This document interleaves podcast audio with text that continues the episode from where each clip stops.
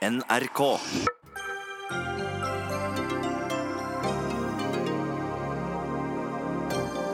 Kvinner i Forsvaret går ut over stridsevnen vår, mener oberstløytnant. Det er ingen jobber i Forsvaret kvinner ikke kan gjøre, sier tidligere marinejeger Børge Ausland. Foreldre kan logge seg rett inn og snoke i barnas psykiatrijournaler, selv om de selv er overgriperen. Skremmende, sier barnepsykiater. Og den svenske kirka innfører en mer kjønnsnøytral liturgi, og åpner for å benevne Den hellige ånd som hunnkjønn. Burde vi gjøre det samme i Norge? Ja, svarer professor. Nei, svarer prest.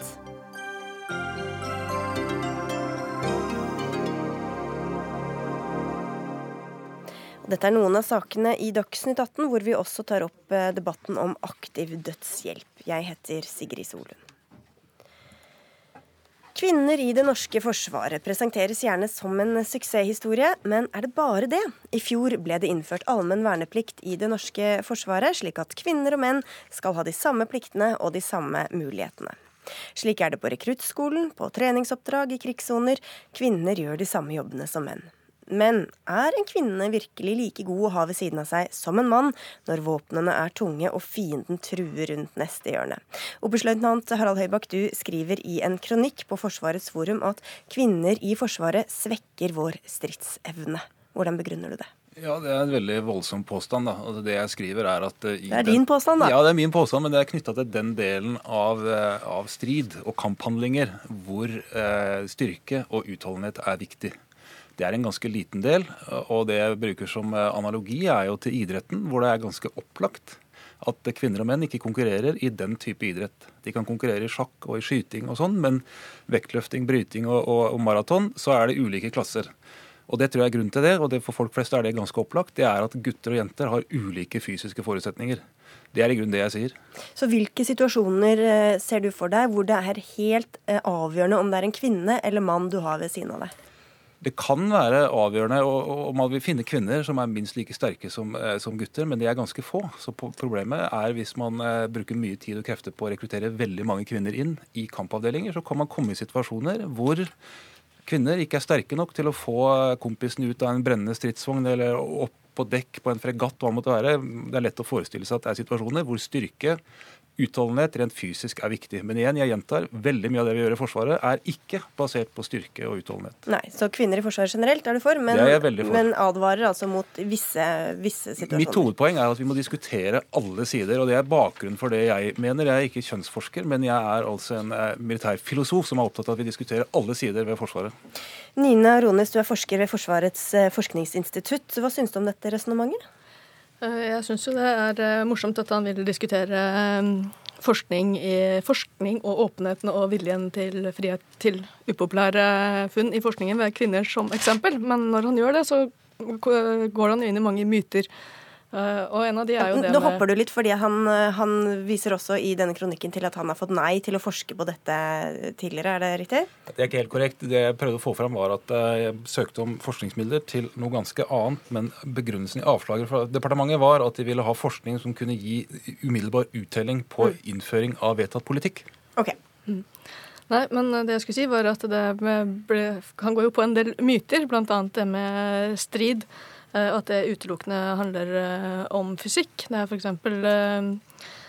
Eh, både organisering, kommunikasjonsutstyr, alle de tinga må jo også være på plass i strid. Og det er jo også sånn, Han tar et eksempel til idretten. og Det er jo ikke sånn at menn har fordeler over kvinner på alle fysiske områder. Når vi snakker f.eks. om ultra, ultra endurance, så er det for mye idrettsvitenskapelig forskning som viser at kvinner kommer bedre ut enn menn når, over tid. Uh, også skyting hadde jo du tatt som et eksempel.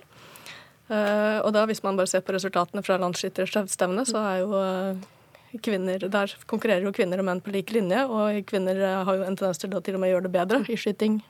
Men, men, hvor er det han tar feil? For En ting er jo da disse ekstremutholdelsessituasjonene som du nevner. Men eh, at kvinner eh, ikke er like sterke som menn, eh, dette er jo ren biologi og fysikk. Hvor er, hvor er det han tar feil da, som du, du kaller myter?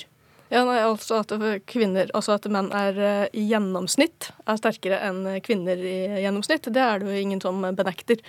Eh, og det har jo heller ikke Forsvaret benekta. Og Han skriver jo i kronikken sin at man erstatter veltrente menn med kvinner, men det er jo ikke det man gjør.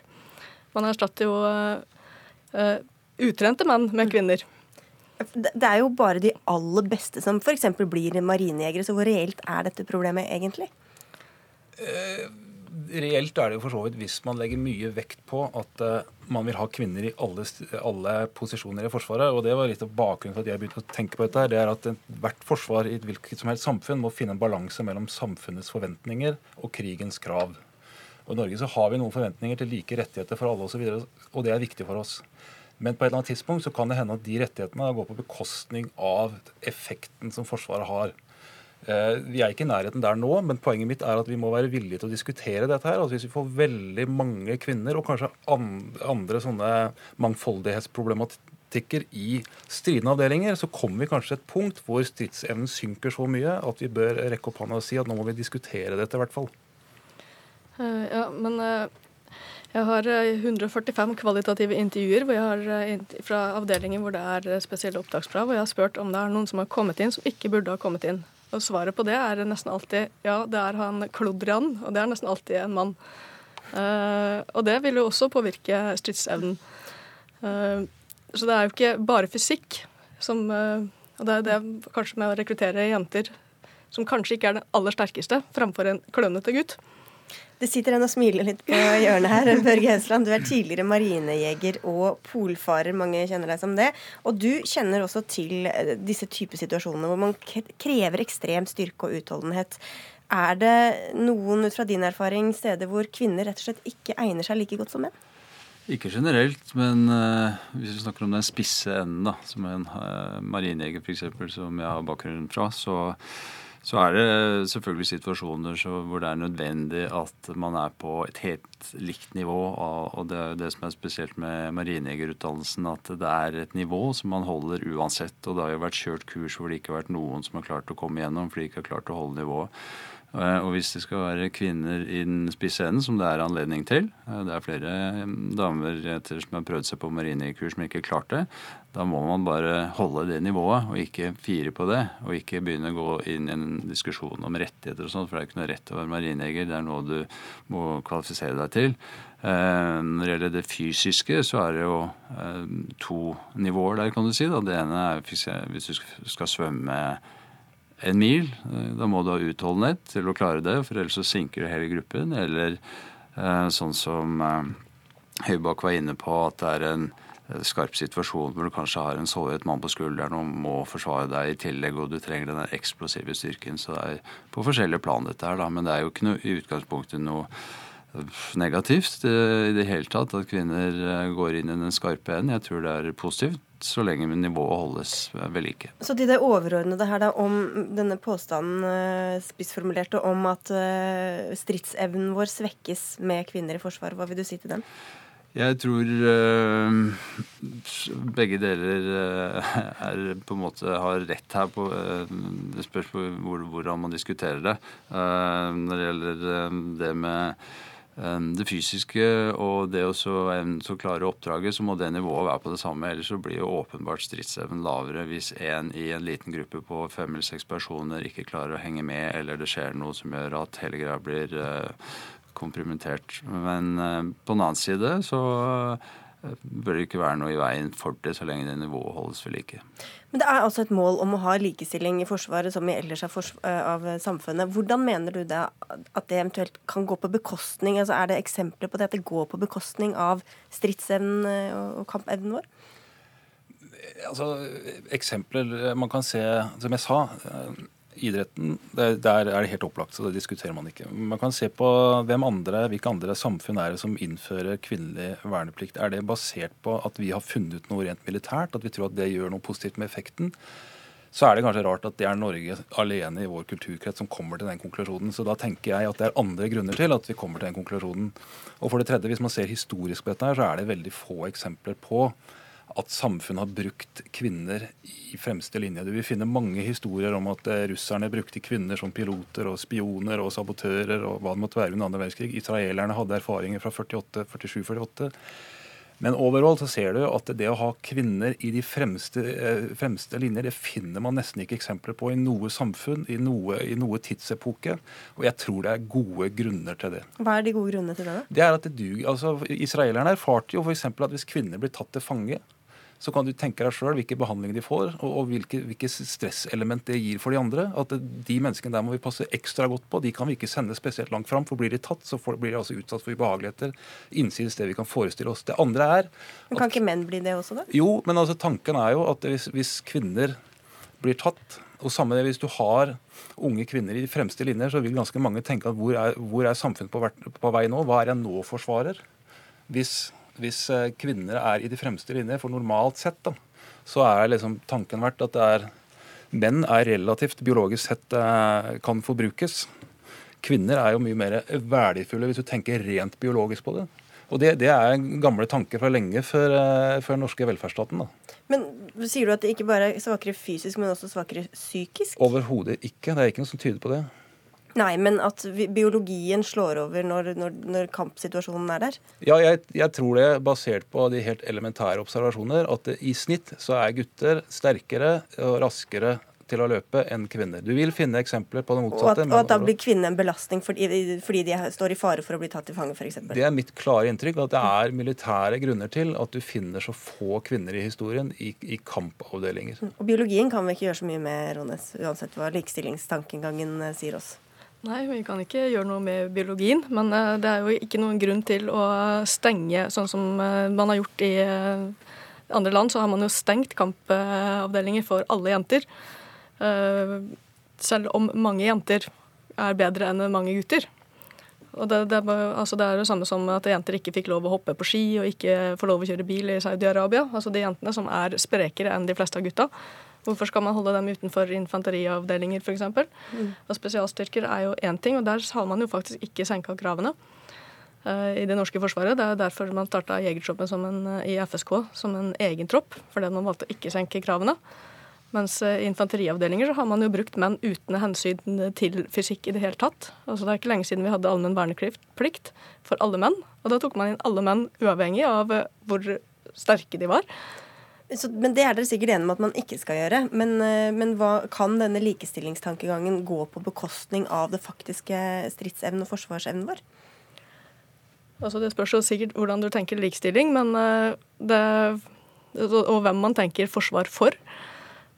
Altså skal, skal vi som kvinner da belage oss på at eh, våre rettigheter så skal forsvares av menn? Ja, Hvis de forsvarer oss bedre? Ja, men det, altså, da, da, blir jo spørsmålet om de er villige til å forsvare vår frihet fra menn, sånn som f.eks. ja, Børge hva tror du? Nei, Om, om stridsevnen blir svekket eller ikke eh, Jeg tror utgangspunktet eh, Det blir jo hypotetisk. Jeg kjenner ikke forskningen til det sånn som Høybakk eh, gjør. Men jeg syns kvinner bør være velkommen i Forsvaret. Og jeg syns at kvinner bør søke seg til Forsvaret. Det er et enormt fortrinn å ha gått eh, den skolen der, rett og slett. Hvor attraktivt blir det da å søke seg dit med sånne signaler som man får fra Høybakk her, f.eks.? Der er jo noe militære kvinner har hørt i alle år, at uh, man senker stridsevnen og gjør ting dårligere. Så jeg tror mange kvinner begynner å bli lei av den ensidige fokusen på det fysiske. da og at man ikke blir sett for alle de andre egenskapene man kommer inn med. F.eks. at man er gode til å skyte. Du nevnte det med vann. Jenter klarer seg godt i vann. De har bedre isolasjonsevne. Så lange aktiviteter i kaldt vann går kjempefint. Ja, for Jeg understreker jo det. Altså, Jeg er for kvinner i Forsvaret. Og, og, kvinner er minst like gode som oss menn på veldig mye. Men på det mest opplagte, på det biologiske, så er de i snitt ikke det. Og det må vi altså ta hensyn til. Og så lenge vi ikke skal bruke stridsevnen vår, eh, så aksepterer vi ganske mye. Men det kan komme en dag hvor det faktisk betyr noe, hvor den stridsevnen ligger. Og Derfor så mener jeg det er min rolle da, som militær akademiker å problematisere sånne ting som det. Og det er som du sier, det er jo akkurat i balansen der. Hvor langt strekker rettighetene? Er det sånn at eh, kvinner i Forsvaret at den rettigheten er så mye viktigere at vi faktisk er villige til å oppgi rikets sikkerhet, da, for å sette det på spissen? Mm. Det føler jeg jo at man ikke har gjort, ved, nettopp ved å bevare de kravene i spesialstyrkene. Eh, og også på de nye fysiske testene så har man jo satt eh, at stillinger som har klare fysiske krav, så er det like krav for begge kjønn. Mens stillinger hvor eh, det fysiske handler mer om identitet og helse, så har man kjønnsdifferensierte krav. Jeg vet ikke om vi fikk alle svarene, men vi fikk i hvert fall stilt en del spørsmål. Takk skal dere ha alle tre for at dere kom. Harald Høybakk, oberstløytnant ved Forsvarets høgskole, Nina Rones fra Forsvarets forskningsinstitutt og Børge Østland. Takk skal dere ha. Dagsnytt 18 alle hverdager kl 18.00 på NRK P2 og NRK2.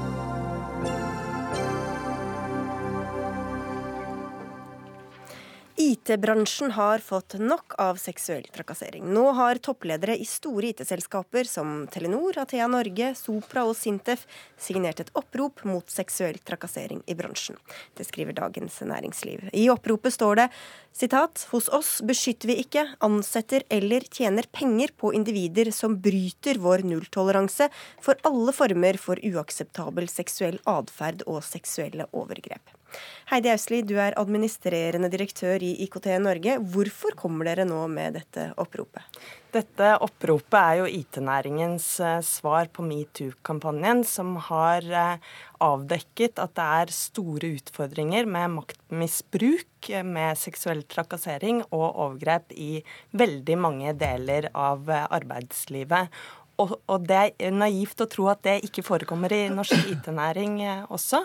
Så derfor dette oppropet. Det har jeg som leder valgt å engasjere meg i, og IKT Norge som IT-næringens interesseorganisasjon oppfordrer også våre medlemmer, altså IT-næringen, til å signere det oppropet som et tydelig signal på at man har nulltoleranse for denne type atferd, og at man ønsker å ta grep om det. Men så må vi se litt nærmere på en av formuleringene dere kommer med. Hos oss beskytter vi ikke ansetter eller tjener penger eh, på individer, altså dette som jeg sa i stad, eh, som bryter vår nulltoleranse for alle former for uakseptabel seksuell atferd osv. Hva legger dere i det?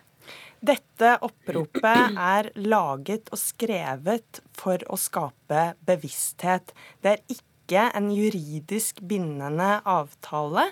Jeg forutsetter at alle selskaper håndterer men Hva mener dere med dette, dette, sitatet? Jo, og Det handler om at ledere er nødt og arbeidsplasser er nødt til å skape en bevissthet, ha helt tydelige retningslinjer for hvordan man skal forhindre å jobbe med kulturen i selskapene, så denne type situasjoner ikke skal oppstå.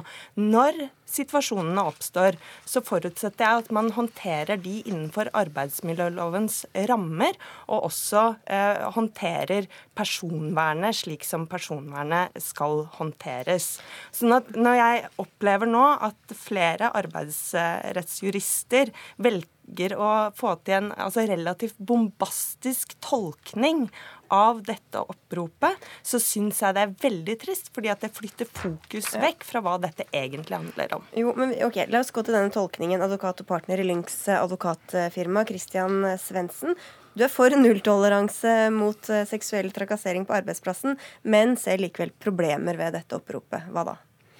Ja, altså Utfordringen er jo at hvis en da eh, agerer ut fra en mistanke da, som er etablert på et uh, relativt uh, kanskje tynt nivå, og som leder velger å gå på bakgrunn av at en har fått mistanke knyttet til sin person, så er jo det et uprøvd grunnlag. Og hvis det da i neste runde da, knyttet opp til dette vilkåret om ikke ansette, hvis det da blir en sannhet ikke sant, om at vedkommende faktisk har et slikt forhold bak seg, så vil jo det kunne være et yrkesforbud for, for vedkommende innenfor, innenfor IT-bransjen. Men da kan man jo bare si at det ikke var noe som Det var ingen sak, det var bare en mistanke. Ja, men mistanke er jo nok. Eh, som leder så kan en sette da en strek over den muligheten til å få den jobben. Mm. Men, men hvis, det noe, hvis, det er noe, å hefte på en person eller en leder, eh, mistanke, så, så får man ikke jobben i praksis. Men, men, det er opp til enhver arbeidsplass, og det er det dette oppropet også er ment som.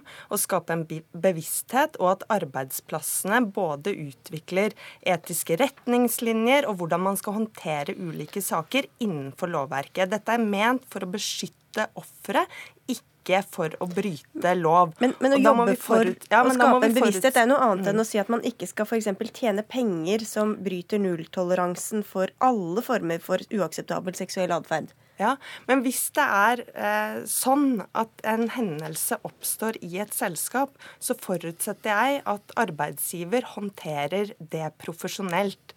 Det betyr at man har helt klare retningslinjer for hvordan man skal håndtere denne type saker. Det meldes nå også om at arbeidsrettsjurister har fått en økt pågang i høst etter at metoo-kampanjen startet, der selskaper ønsker enten å skape nye retningslinjer eller utvikle de eh, helt eh, på nytt igjen. Sånn at denne kampanjen, som nå har nådd norsk IT-næring, skaper en bevissthet der ledere tar ansvar og sier hos oss er det nulltoleranse, det skal være lav terskel for å melde fra, og vi skal håndtere disse sakene profesjonelt. Men hvis eh, det jeg tenker da, altså hvis dette oppropet blir for uh, ullent i kantene, så, så, vil jo dette for en som har skrevet under, da, kanskje forstås som en slags fullmakt til å overvåke og følge med på, på arbeidsplassen sin. Og da er det jo lett å glemme da, de pliktene en har som en ansvarlig arbeidsgiver. Uh, for å da bruke det regelverket som allerede ligger der. ikke sant? Det skapes en slags overvåkingskultur som kan være veldig, veldig uheldig. Ja. Og, mitt innspill her er jo at Eh, med et sånt opprop så kan det faktisk virke kontraproduktivt. Altså Det får folk til å ikke varsle fordi sanksjonene virker så eh, uproporsjonale og uprofesjonelle at eh, man velger å ikke varsle arbeidsgiveren i så tilfelle. Men når så mange nå har valgt å signere dette oppropet, så er det for meg et signal nok på at man tar dette på alvor. Jeg mener at dette er en altså, eh, veldig eh, ugrei tolkning, en juridisk tolkning av et opprop som overhodet ikke er en juridisk bindende avtale. Nei, men Hva, så, hva vil dette... dere med det? Det må jo være et poeng med det. Hva vil dere ja. med det hvis det ikke skal være noe bindende, i hvert fall om ikke ja, juridisk, så liksom ja, moralsk bindende? Dette er et opprop som skal skape noen prosesser på arbeidsplassene.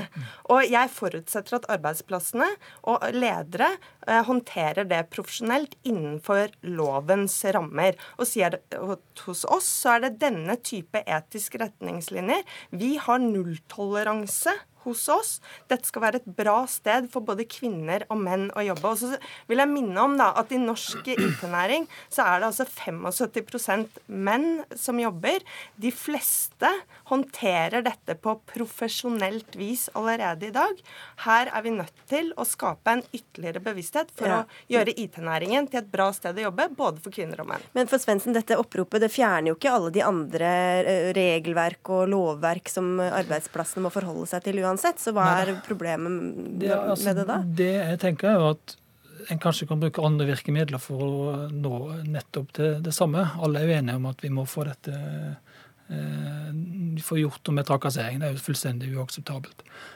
Men spørsmålet er om heller skal ikke legge vekt på eh, holdningsskapende arbeid istedenfor å lage et dokument med så dårlige formuleringer. Men har man ikke det, det gjør man jo også. Det er mange mange ting som skjer mm. for å skape en bedre kjønnsbalanse, for å skape en kultur mm. der det er plass til alle, der det er rom for å si ifra, der også saker håndteres profesjonelt. Parallelt. Men dette med at man ikke skal tjene penger på individer som bryter vår nulltoleranse, hvordan skal dere følge opp dette med alle samarbeidspartnere, innleide korttidskontrakter osv.? Nå er det opp til hvert enkelt selskap å ha prosesser på hvordan man skal håndtere dette innenfor lovens rammer. Men er det eh, i det hele tatt realistisk å skulle liksom sjekke hver og en man skal altså, tjene penger på, altså samarbeide med?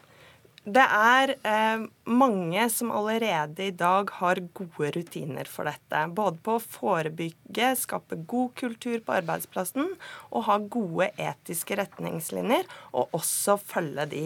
Jeg stoler på at norske IT-bedrifter faktisk håndterer dette. Dette er en kampanje for å bevisstgjøre og ha nulltoleranse. Og at man da velger å gå så juridisk til verks som en del arbeidsrettsjurister nå har gjort, det syns jeg bare er trist. Altså Grunnen til at en uh, hopper opp, er jo naturligvis fordi at det er en del rettssikkerhetsgarantier som kan stå i fare hvis uh, arbeidsgiver nå blir litt for hard i klypa. og Derfor så sier en ifra. Da får følge med, da. Takk skal dere ha i denne omgang, i hvert fall begge to. Heidi Ausliv fra IKT Norge og Christian Svendsen fra Lyngs advokatfirma.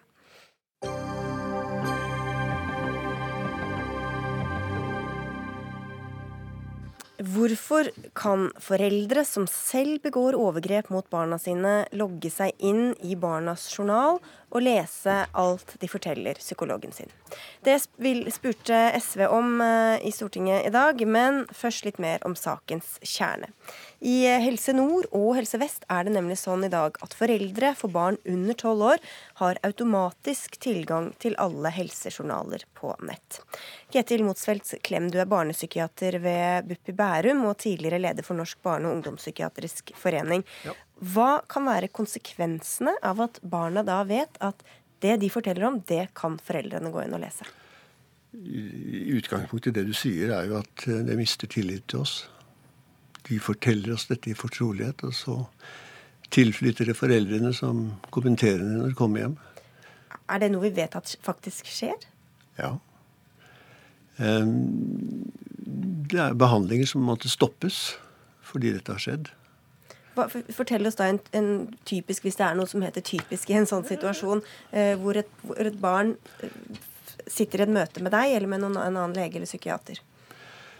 Ja, Det som, altså det helt konkrete eksempelet vi kjenner til i Helse Nord, er eh, et foreldrepar som da mor hadde ikke samværsrett med barnet, men, ikke, men hadde fortsatt foreldreansvar. Far gikk i terapi med barnet, og mor leste journalen. Det opplevde far så vanskelig at han avbrøt behandlingen. Mm.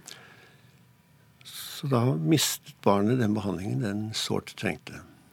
Og hvis du har et barn som du mistenker at uh, blir uh, begått en eller annen form for overgrep uh, mot, hvordan må du da gå fram for å kunne sperre denne journalen for foreldrene? Nei, Det er åpnet adgang, i hvert fall mener jeg det er det i de to som er åpnet. Så, så går det an å sperre enkeltnotater for innsyn. Eh, og, og, det vil man jo kunne gjøre, men, men sånne saker så glipper det lett i en hverdag. slik at Da kan det plutselig ligge ute ting som ikke mm. foreldrene bør lese. Mm. Og barna er kanskje ikke alltid like spesifikke heller når de forteller om noe i, hos en ukjent psykiater f.eks.? Nei, altså de, de, formulerer seg jo vagt og i bilder, og det er ikke alltid du kan helt stole på det de sier er sant. Du må, du må finne ut av det underveis. Men en mor eller far som leser journalen, skjønner hva det er? Eh, Nei, de kan tolke det på helt mm. feil måte. Nicholas Wilkinson, du tok altså dette opp i Stortinget i dag. Du er stortingsrepresentant eh, for eh, SV og ba om at man skal lukke denne tilgangen på generelt grunnlag. Mm. Stilte spørsmål til helseminister Bent Høie. Hva svarte han på det? Men han svarte dessverre ikke at han ville gjøre det. Og jeg, jeg må innrømme at jeg faktisk trodde at dette var noe vi kunne løse sammen. For vi hører jo fra ekspertene, vi hører fra barn og unge i psykisk helsevern, at dette er veldig farlig. Og som det ble sagt på slutten her, det, det, stenges hvis barn sier overgrep. Men en, en, ung gutt eller en ung jente som setter seg ned med en behandler for første gang, de sier jo ikke disse vonde tingene med en gang. Du åpner ikke hjertet ditt til en fremmed første gang du møter dem. Så de kan si ting som eh, 'pappa er rar når han er sint', eller 'mamma og pappa krangler mye'. Det trenger ikke å bety noe for behandleren, så det er ikke noe som gjør at man stenger. Men hjemme så kan det være noen som vet hva de holder på å si. Og da kan det følge med kontroll, og det kan følge med straff, og det kan bli veldig farlig.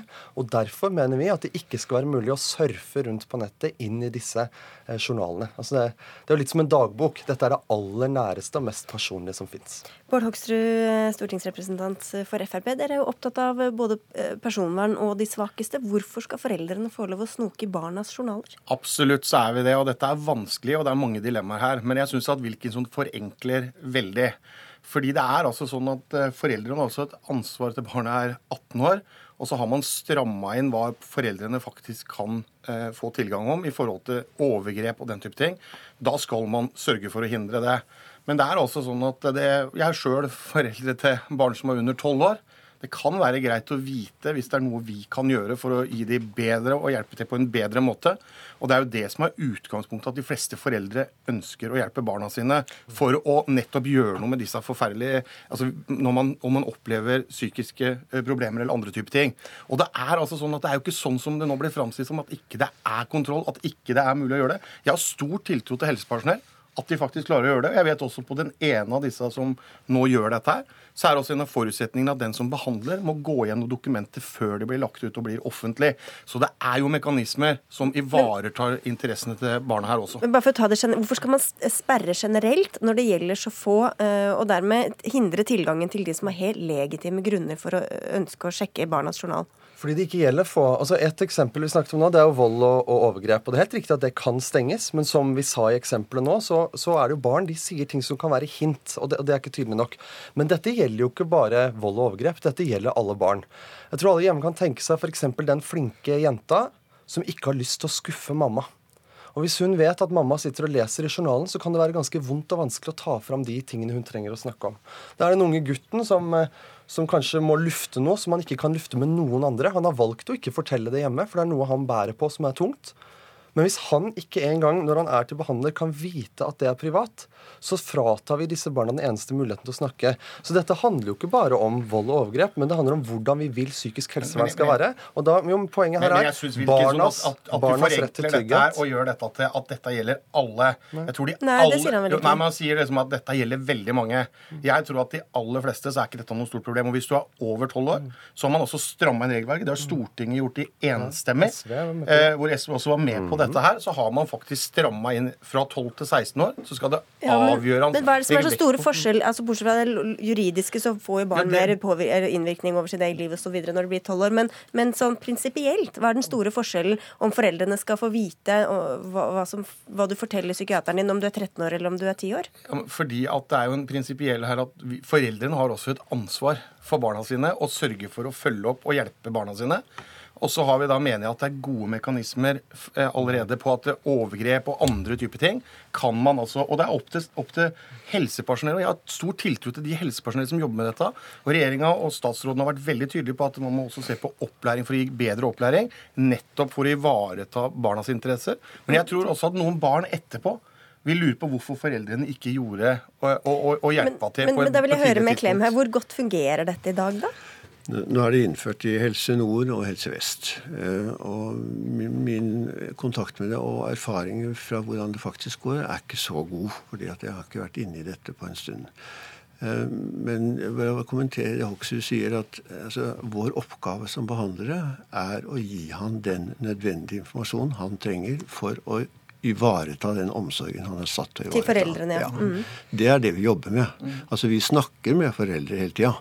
Men, men det er mange ting i den journalen som ikke bør tilflytte foreldrene på det tidspunktet hvor vi har barnet inne.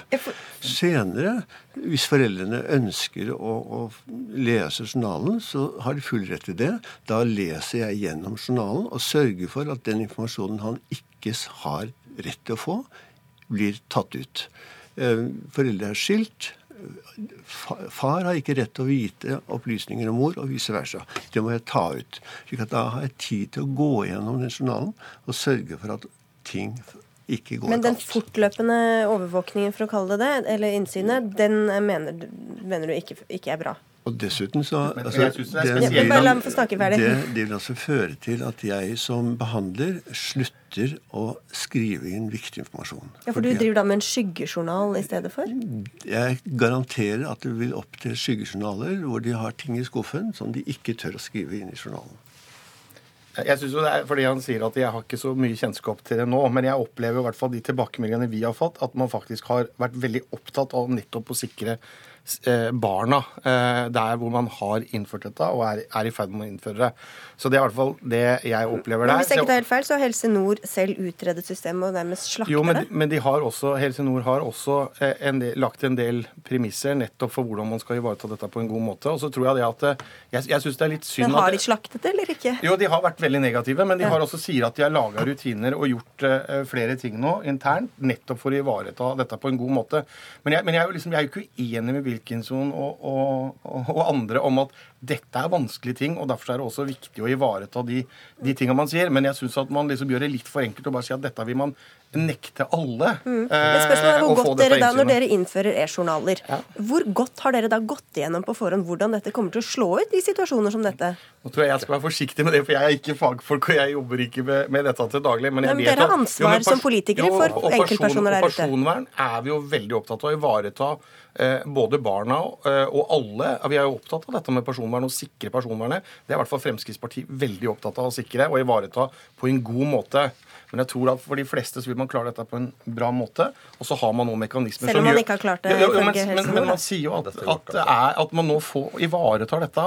eh, Og at man klarer å gjøre det. Og man, har, og man legger inn mekanismer nettopp for at den som behandler eh, behandler skal også kunne gå igjen dokumentene før de blir lagt inn i e-journalen. Få en klem, du vil, så skulle Tore ville. Nei, jeg på så I utgangspunktet så er journalen pasientens dokument. Men plutselig så er ikke barnet selvstendig pasient lenger. Det er plutselig foreldrene som har overtatt barnets journal. Sånn er jo Så når jeg- barnets, eh, barnets eh, Så skjebne, på en måte. Da. De så er når jeg skriver journaler. Så tenker jeg på at dette barnet skal kunne lese det som voksen. Det er, det er jeg veldig klar på. Men hvis jeg samtidig plutselig skal være veldig bevisst og nei, det kan mor og far lese i morgen. Å nei, det kan jeg ikke skrive. Jeg må formulere meg annerledes. Jeg må pakke det inn litt. Liksom. Men, men, men Wilkinson, til det Bård Hoksrud sier her, hvorfor ikke heller gi bedre opplæring, bedre eh, rutiner og regelverk for de helsepersonellet som faktisk sitter der og klarer å gjøre disse? For du har vel tillit til at de klarer å gjøre disse vurderingene hvis de har eh, grunnleggende opplæring og grunnleggende forståelse for hvordan dette fungerer? Ja, og nå hører vi jo hva helsepersonell selv sier. De sier at dette er utrygt. Dette er ikke et godt system. Han sier jo også system. at han ikke helt har kjennskap til hvordan det har fungert i Helse Nord. Helse Nord har laget en rapport hvor de har gått gjennom dette systemet, hvor jeg må bare kalle det en slakt. Altså Det er en haug momenter som de sier er veldig usikre. Og så har Hoksrud rett. De, sier, de prøver å sette inn tiltak. Selv når de, hvis de gjennomfører alle de tiltakene, så er deres egen analyse at det fortsatt vil være utrygt. Så vi har, altså vi har behandlere som sier det ikke er trygt. Vi har Helse Nord som sier at det ikke er trygt. Vi har barn og unge jo, men nå må vi få svar på dette. Barn og unge i Forandringsfabrikken som samler kunnskap for barn og unge, de sier at tre av fire barn melder at de ikke tør å snakke åpent med sin behandler. Og så må vi si, Hva er det som er forslaget her? Fordi at Bård Hoksrud gjentar hele tiden at dette er enkelt. Dette er ikke enkelt. Dette er et radikalt og viktig forslag fordi vi mener at barns rett til god behandling og trygghet er viktigere enn foreldres rett til innsyn. Og det eneste vi da foreslår, jo, men det vi foreslår, det vi foreslår, det er at man fortsatt skal kunne søke om innsyn i journal, sånn Klem forteller, at da kan du få, få titte hvis du søker og de går gjennom. Men vi vil frata den surfingen. Altså nå kan du sitte hjemme i stua di når du vil og logge deg rett inn på barnas journal. Så foreldrene skal søke journal. per gang, da? Eller Ja, hva med da de som har alvorlig alvorlig ja. syke barn og trenger innsyn i den Vi journalen må snakke. Jo, men Hvis du har alvorlig syke barn, så samarbeider jo helsepersonell med hjemmet i dag. Det er jo ikke sånn at samarbeidet med hjemmet foregår gjennom at foreldre skal sitte og lese seg opp i journalen. Det som gjør, gir god behandling, det er at barna er trygge på at de kan snakke med sin behandler, og at behandleren samarbeider med hjemmet. Og det er det vi i SV foreslår. Hvordan hadde du likt det hvis noen skulle få automatisk inngang til, tilgang til din journal, Bård Hoksrud, parallelt med at Ja, du satt der og snakket? Jeg har knapt min egen Vi har knapt sjekka min egen journal. Men, men det er klart at hvis man har barn som har utfordringer, så vet jeg i hvert fall at jeg veldig gjerne ville vite om det, nettopp fordi at jeg vil hjelpe barnet mitt. Men det ville du kanskje også hvis du var den som begikk de overgrepene mot det barnet, Jo, så hadde du ønska å, å sjekke det det Men det er vi jo helt enig i. Vi er opptatt av rettssikkerheten og, og sikkerheten til barna. Og at derfor ønsker man jo å gjøre det, at den type ting ikke skal inn i disse journalene. Og, det er jo det vi har, og der har vi vært veldig klare og tydelige. Og der har helsepersonell et ansvar. Men vi Men må også sørge for å gi dem god det opplæring for å, sikre, for å sikre, sikre og ivareta det på en god måte. Og det tror jeg er mulig. Men alt det du ber om, får du når du er hos meg og snakker med meg. Det får du. Alt det du ber om, det skal du få når du snakker med meg. Men jeg vil ikke at du skal lese alt det andre som står der. Ting som du ikke du skjønner men du- bæret av. Du skjønner ikke hva som står der. Du kan tolke det feil. Du får informasjon du ikke har rett Men på å alle, få. alle, alle har vi nå da at vi har tilgang til å gå inn på vår journal for å se hva Ja, som ligger inne du- om vår sjøl. Jeg kan gjøre det, alle andre Ja, det kan gjøre det. Og, og jeg. Ja. og jeg har også faktisk et ansvar som foreldre å ivareta barna mine fram til de er myndige. Det har vi, det, og vi er veldig klare og tydelige på at myndighetsalderen er 18 år i Norge. Og da har foreldrene spesielt ansvar for å følge opp og hjelpe til. Og så må vi ivareta og sikre at overgrep og den type ting det at det en- selvfølgelig ikke kommer Det er vel en grunn til at dere innførte denne grensen ved tolv år. Så da er det vel årsaker som du mener at fins for barn over tolv år, Mm. til at de skal kunne ha journalen sin hemmelig. Og hvorfor gjelder ikke de samme årsakene for en 11-åring? Jo, men Det er jo fordi at da er man også litt mer eh, til å kunne ta eh, og, og være med enda mer og bestemme valgene sine. Og så er det jo sånn som jeg sier at vi ivaretar altså overgrep og vold og den type ting, så skal det ikke inn i disse journalene. Eh, og Skal det jeg- ikke og- skrives i journalen? ikke, ikke, i, ikke i den åpne journalen som, som blir åpen. Og det er opp til helsepersonell å avgjøre dette. Og jeg har stor tiltro til helsepersonell. at De klarer å gjøre dette på en veldig god måte. Ok. Men dette er, ikke, dette er ikke riktig, fordi at dette gjelder også barn mellom 16 og 12. De bare har ikke innført det ennå. Og det det i bunn og grunn handler om, det handler om skal barns trygghet veie tyngst, eller skal foreldrenes rett til innsyn? Vi mener barnas Barn, trygghet barns veier trygg tyngst. skal veie veldig tungt, og det gjør det. Men vi må også ivareta sånn at foreldrene kan følge opp barna sine. Jeg tror en del barn vil stille spørsmål til foreldrene sine når de blir voksne, hvis foreldrene ikke har hatt mulighet til å kunne være med og hjelpe til på en god måte. Og Derfor tror jeg dette klarer vi å få til på en god måte, men vi må ivareta barns interesser, og det gjør vi. Dere, det tror ikke dere blir enige. Vi må bare runde av. Takk skal dere ha, alle tre. Bård Hoksrud fra Fremskrittspartiet, eh, Ketil Mosfeldt Klem fra BUP i Bærum og Nicolas Wilkinson fra SV.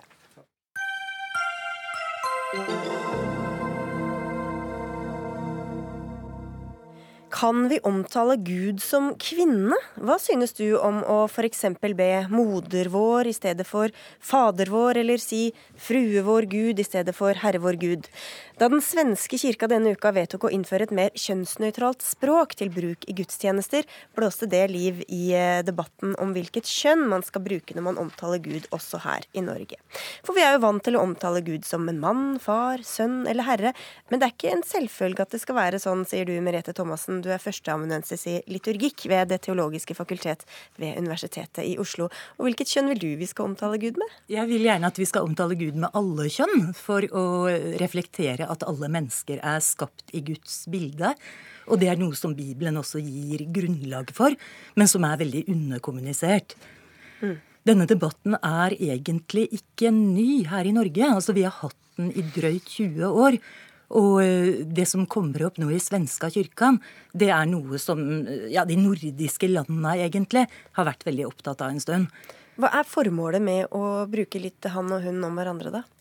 Altså Formålet er å prøve å tydeliggjøre noe alle teologer egentlig er helt enige om. Og det er at Gud er heva over de vanlige kjønnskategoriene. Så Gud er ikke en mann, men Gud er noe som sprenger alle, alle våre forestillinger. Og derfor så er eh, det er hensikten med det kjønnsinkluderende språket, som det kalles. Ok. Teolog, eh, daglig stif leder av stiftelsen Mor, far, barn, Øyvind Benestad. Hva syns du om å omtale Gud som eh, mor? Nei, Jeg syns det er en veldig dårlig idé. Det er helt i strid med det Bibelen er entydig på, og ikke minst Det nye testamentet. Jesus selv lærte jo disiplene å be Abba far, altså pappa far. Over 130 ganger står det om det i Det nye testamentet at Jesus gjorde. Og også resten av testamentet med Paulus og de andre forfatterne bruker Gud som far helt gjennomført, og til sammen ca. 200 ganger i Det nye testamentet. Og når det gjelder Gud som mor, så er det null ganger. Nada. Ingenting. For det er jo sånn Jesus, en, en del av Gud, var jo, var jo mann, og han omtalte Gud som far, eh, skal vi tro Bibelen.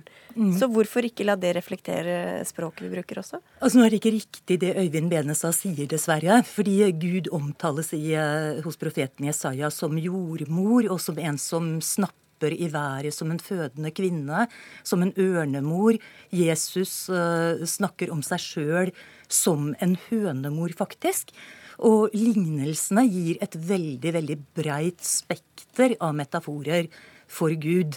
Så det eh, f.eks. i Lukasevangeliet kapittel 15, hvis jeg nå ikke tar feil.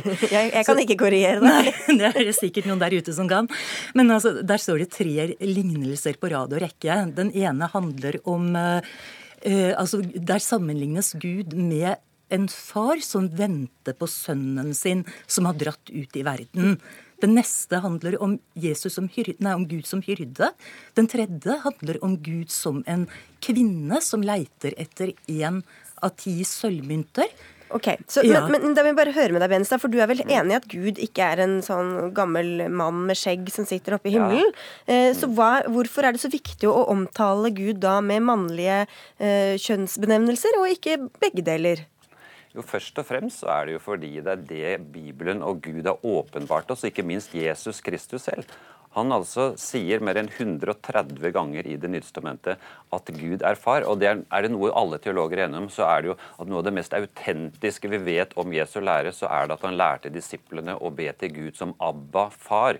Og hvis vi nå skal forandre det, så, så går vi inn og gjør noe som i hvert fall strider helt konsekvent og dramatisk med det som er reformasjonsjubileets uh, hovedprinsipp også. Skriften alene. Vi har ikke mandat, vi har ikke autoritet til å gjøre det, mener jeg. Men, men hva med alle de sitatene som vi hørte her, hvor det var uh, feminine eller moderlige lignelser? Ja. Nei, altså Det er jo ikke noe problem, fordi Gud Noen få ganger så står det det. Det er riktig det at Jesaja er et par-tre steder hvor hvor Gud sammenligner seg med en mor, men han sammenligner seg med mye annet. og Det er jo metaforer, det er bilder, og det er helt klart. Altså Gud er øm, og han er kjærlig, han er tilgivende. sånne tradisjonelle kvinnekvaliteter. Det er, det er, ikke noe problem med det, for Gud er en fullkommen god far. Men det betyr jo ikke at dermed så er han også mor. Så når Jesus har vist oss at Gud skal vi kalle far, så blir det jo bare forvirring. Vi innfører kjønnsforvirringen rett inn i gudsbildet. Og dette er ikke noe vinnerprosjekt for Kirken. Det vil føre til masse splid og spenninger og konflikter langt ned i lokale menigheter. Ja, det er eh, interessant at du, at du snakker om farsmetaforen på en sånn måte. Altså når, når, Gud presenterer seg i Det gamle testamentet, så, sier, så unnlater Gud å gi oss navnet sitt, men svarer da med det veldig gåtefulle Javé-navnet, som, som er en verbform av å være. Jeg er den jeg er, eller sier jeg er, jeg er den værende. Så Gud, Guds navn er jo noe Gud aktivt unndrar seg. Og Jesus er den åpenbaringa vi har av Gud. Men å redusere gudsnavnet eh, til far det, det, altså Jeg kan ikke forstå at du som teolog kan si det. Det jeg sier ikke at dere, ja, mm. jeg må ikke redusere til det. for Jeg er enig i at det finnes mange bilder og flotte metaforer på Gud. Men når Jesus selv lærer oss å be Fader vår, på korset sier han 'Far, tilgi dem, for de vet ikke hva de gjør'. 'Far, jeg overgir min ånd til deg', sier han når han utånder. Vi har i trosbekjennelsen 'Jeg tror på Gud Fader, den allmektige, himmelens og jordens skaper'. Og så begynne å tukle med alt det der som har, er kirkens og Bibelens 2000 og 3000 år gamle historie, bare fordi vi nå er i sånn kjønnsradikal, kjønnsnøytral tidsalder. Altså Det er en tilpasningsteologi som ligner på sånn værhaneteologi, etter mine begreper. Og vi får store problemer med alt samarbeid med mange kirker rundt om i hele verden. Men jeg er absolutt ikke noen teologisk tungvekter her, men sånn som vi liksom lærte da vi var små, så var det jo litt sånn at Gud var far, og Maria var mor, og Jesus var barn. Ja. Så det er jo ikke så rart at vi omtaler Gud som far da. Nei. Altså, det er jo en sånn slags himmelsk kjernefamilie da, som, eh, som, blir en sånn modell som har blitt veldig veldig dominerende. Men altså både Bibelen og kirkehistorien har brukt andre modeller for dette. Og det at det er uh, Uh, altså, Bare i de fire evangeliene i Det nye testamentet så ser vi en utvikling. Altså Det, det, eldste, det nyeste evangeliet, Johannes-evangeliet, der intensiveres farsmetaforen. Ja. Så, ja. Nei, det var bare at vi, må, vi får bare se hvor kirka går, rett og slett. Hvem av dere som eh, vinner, vinner fram. For vi er dessverre tomme for tid her ja, i Dagsnytt. Altså, det er vedtatt i Den norske kirke at vi kan bruke mor om ja, Gud. Så det er i grunnen ikke så mye mer å si om det. Nei, nei men da har du vunnet, da. Ok, Tusen takk. takk i hvert fall begge to. Merete Thomassen, eh, som er førsteamanuensis i liturgikk, som altså er læreren om gudstjenester, og til deg, Øyvind Venestad, teolog og daglig leder av stiftelsen Mor, far, barn. Hør Dagsnytt 18 når du vil. Radio NRK Radio.nrk.no. Spørsmålet om aktiv dødshjelp er et som vekker følelser for mange og går rett til kjernen av spørsmålet om liv og død. Det er mange nordmenn som er positive, men i Norge får de ikke noe tilbud. Det har de derimot flere andre land, og i dag vedtok også Australias nest største delstat, Victoria, som første delstat er i landet, å tillate aktiv dødshjelp til alvorlig syke pasienter. Og nå vil også Grønn Ungdom utrede ulike modeller for hvordan dette kan være tillatt i Norge. Hvorfor vil dere det, Hulde Holtvedt, du er eh, talsperson for Grønn Ungdom? Nå må jeg først si at Vi anerkjenner at dette er en uhyre kompleks og vanskelig debatt. Men grunnen til at vi har landet på at vi ønsker en utredning av aktiv dødshjelp i Norge, er hovedsakelig to ting. Det er at vi vet at et flertall av befolkningen ønsker dette, og at nordmenn reiser til utlandet og får hjelp til å avslutte livet, og at vi ikke kan stoppe dem fra det. Og da mener vi at politikerne har et ansvar for å utrede hvordan man kunne tillatt dette i Norge på en forsvarlig måte. Og så anerkjenner vi at det er problematiske sider ved aktiv dødshjelp, og at en utredning nødvendigvis må balansere mellom hensynet til enkeltmenneskets rett til å bestemme over eget liv, og hensynet til eh, å beskytte enkeltmennesker fra utilbørlig press. Ja, for Det er jo argumentet imot. Um, Olaus Trygve Bjuland, du er nestleder i KrFU. Du har ikke lyst på noen utredning engang. Du kaller det tulleforslag? Ja, jeg syns det er et eh, jeg, ble, jeg, må innrømme at jeg ble litt forundra og litt skuffa når, jeg hørte dette forslaget fra Grønn Ungdom. For, jeg, for det første så strider dette forslaget med det, det, mest grunnleggende i norsk helsevesen, nemlig at norsk helsepersonell er der for å redde liv, ikke for å ta liv. Og for det andre så syns vi at dette Eh, forslaget strider med den viktigste verdien vi har i samfunnet, nemlig menneskeverdet. At vi alle mennesker har en uendelig verdi fra livets start til livets slutt. Men Det er argumentene mot eh, aktiv dødshjelp, men hva er argumentene mot å få utredet det? For Vi mener at hvis du går, inn, hvis du går så langt som vi utreder, så er eh, veien for å innføre veldig korte. Og vi mener dette forslaget rent prinsipielt er så dårlig, og det er så mange åpenbare grunner til at vi ikke skal innføre det. Derfor trenger vi heller ikke utrede det. Derfor så er vi i KrF imot å utrede. Hvorfor skal dere egentlig utrede, når vi har så mange erfaringer fra andre steder som, som viser positive og negative erfaringer med det? Ja, jeg syns det er synd at KrFU ser på dette som et tulleforslag. For det vi ønsker, er jo nettopp mer kunnskap inn i debatten om aktiv dødshjelp i Norge. Når vi debatterer aktiv dødshjelp i Norge, så ender vi ofte med å ta utgangspunkt i modellene i andre land. Og da er det lett til å vise til skrekkeksempler som f.eks.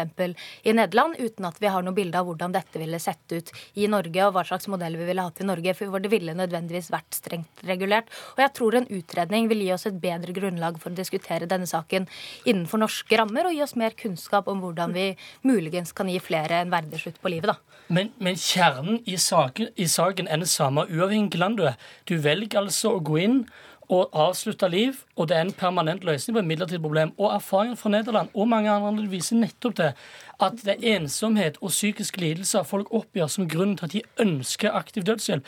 Derfor må vi mye heller være med og se på tiltak som opptrappingsplan på psykisk helse. Det er sikkert enige om. Livsglede for og mange andre organisasjoner. Men, men men debatten, må her. Ha, debatten må heller ha, gå i den retningen, og ja, ikke andre Vi trenger ikke å spekulere så mye heller, fordi vi har med oss deg, Lars Johan eh, Matertvedt. Du er professor i filosofi og, og eh, medisinsk etikk ved NTNU.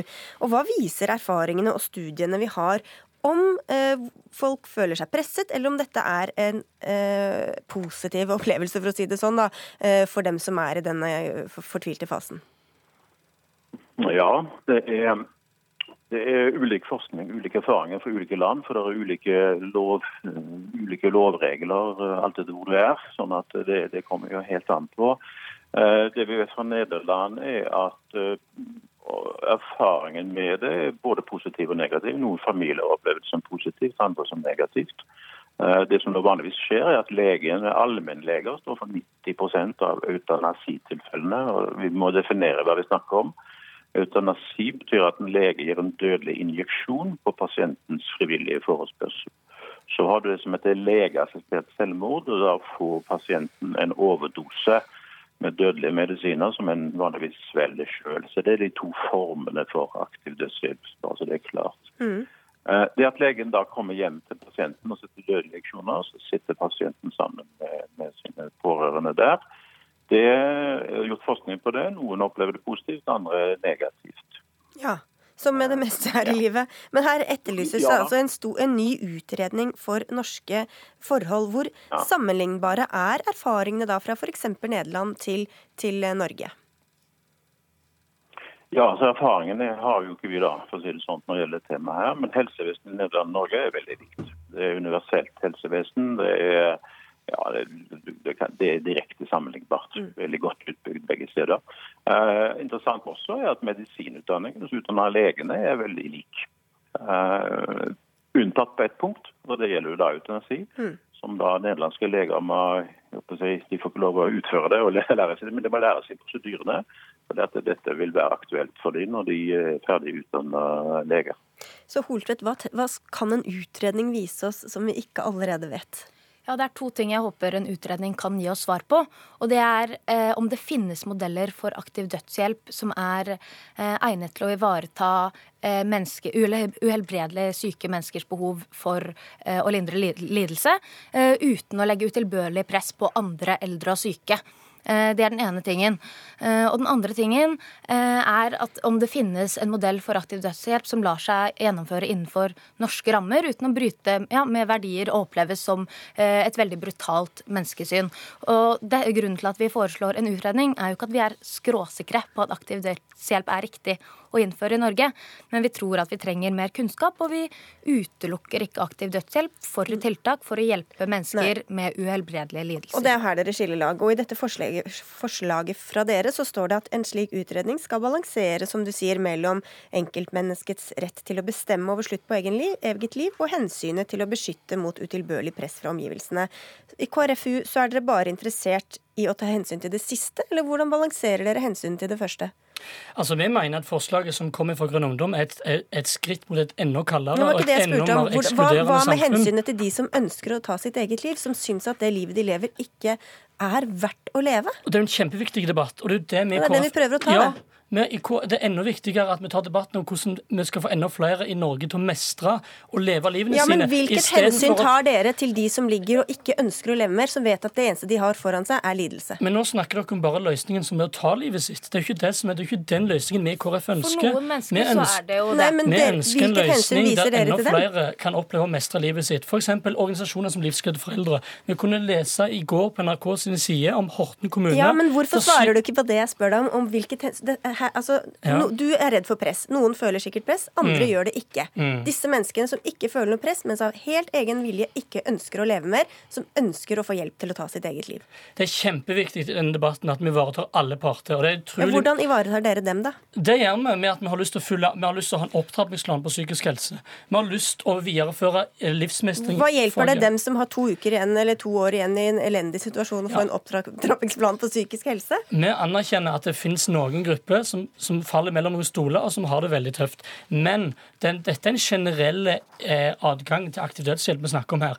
Dette er en permanent løsning som vil gå ut over ramme hele samfunnet. Og her må vi ikke snevre debatten inn på enkeltpersoner. Her må vi se på hvilket samfunn vi vil ha. Jeg vil ha. KrF vil ha et samfunn med plass til alle, som sørger for at ingen føler seg som burde. At en ressursgenerasjon av eldre ja, som på trappene blir tatt på alvor. Jeg, jeg, vil høre med Matersvedt, fordi at uh, Hulda Holtvedt her sier at de vil ha en modell. Men altså, dette er vel ikke helt særegne norske hensyn å ta hensynet til det ene og hensynet til det andre.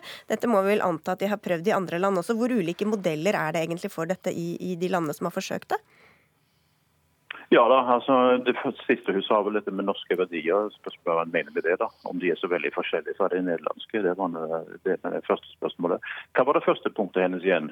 Det handlet om at uh, vi trenger en modell som beskytter enkeltmennesker mot utilbørlig ja. press fra omgivelsene. Mm. Er det mulig? Ja, nettopp. Det, altså, altså det vi ikke, vi vet ingenting på forskningens side om, om det er disse pasientene som får dette, opplever noe press for å be om det. Det eksisterer da ikke noe eh, forskning direkte på pasientene, så vi kan vite det. Det vi vet, er at pasienter som er alvorlig syke og døende, ofte føler seg som en byrde vis-à-vis pårørende. Det vet det er godt dokumentert i forskningen. I hvor stor grad det gjelder, og om det gjelder når det gjelder snakk om eutanasi, det har vi altså ingen forskning på. Men det er all grunn til å tro det, mm. Eh, at en vil føle et sånt press hvis det er et tilbud. Um, dette er satt på spissen f.eks. i Belgia, hvor du da i palliative avdelinger kombinerer eutanasi og lindrende behandling. Så Den ene døra der kan du få verdens beste lindring, andre døra kan du få en dødelig injeksjon av legen din. Og Da er det klart at pasienter eh, Dette er en modell jeg forsker på for tida for øvrig, men, men det skal jo noe til at folk ikke føler et press i en sånn situasjon. Men som sagt, forskningsmessig vet vi ingenting om. Nei, men det er vanskelig å se for seg en modell som en fratar mennesker den, det presset de potensielt kan føle overfor pårørende? Hulle Holtvedt? Ja, det er vanskelig, og det er derfor ja. vi ønsker en utredning. Vi har ikke noe fasitsvar. Jeg tror heller ikke KrFU har et fasitsvar. Og så må jeg bare si unnskyld om jeg sa norske verdier. Jeg mente eh, en modell som er mulig å diskutere innenfor norske rammer, hvor vi slipper å ta utgangspunkt i bare erfaringer fra andre land, hvor vi f.eks. kan ta utgangspunkt i forholdet i det norske helsevesenet. Du vil ikke inn i den norske verdier-debatten? Nei, uff, nei, uff, det var ikke meningen. dere, vi rekker ikke mer i dag, men vi må si tusen takk til dere alle tre. Hulda Holtvedt, eh, talsperson i Grønn Ungdom, Olaus Trygve eh, Bjuland, som er nestleder nestleder i KrFU, og Lars Johan Matersvedt, som er professor i filosofi og medisinsk etikk ved NTNU, med oss fra Skottland, hvor du vel er gjesteprofessor. Tusen takk skal dere ha, og takk fra oss Arnhild Myklebust, Erik Sandbråten og jeg, Sigrid Solund, som ønsker en god kveld videre.